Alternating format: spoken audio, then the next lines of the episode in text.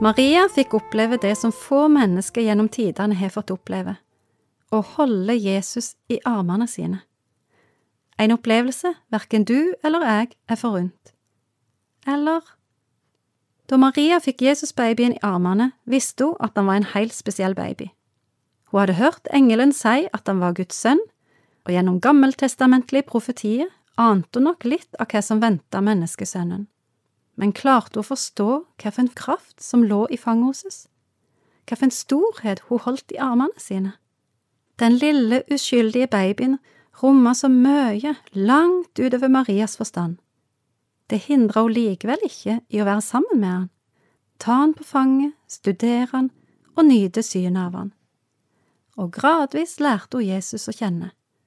Ikke bare sånn som foreldre lærer ungene sine å kjenne etter hvert som de vokser til og personligheten trer fram, men Maria lærte òg å kjenne Jesus som verdens frelser, sin frelser, den allmektige Guds sønn. Vi har mange måter å kommunisere på nå til dags telefon, internett, SMS, for ikke å glemme samtale ansikt til ansikt. I tillegg spiller også kroppsspråket inn. Men uansett åssen vi kommuniserer, så blir all kommunikasjon fattig uten ord. Vi er relativt avhengige av ordene. Johannes beskriver Jesus som Guds kommunikasjonsmiddel til oss. Jesus har alltid vært og vil alltid være Ordet.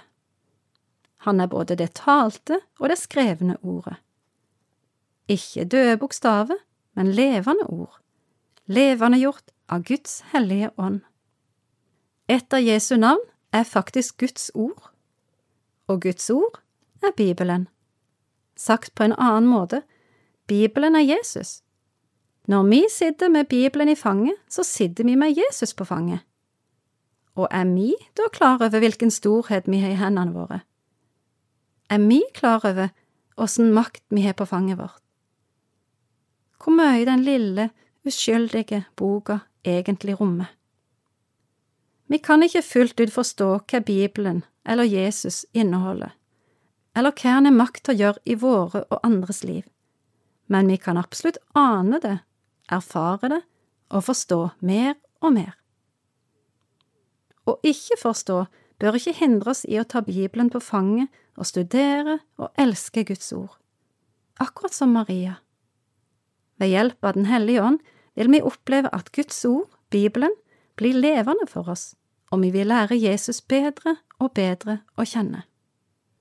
Hva skjer med en liten baby dersom han ikke får kjærlighet, nærhet eller omsorg?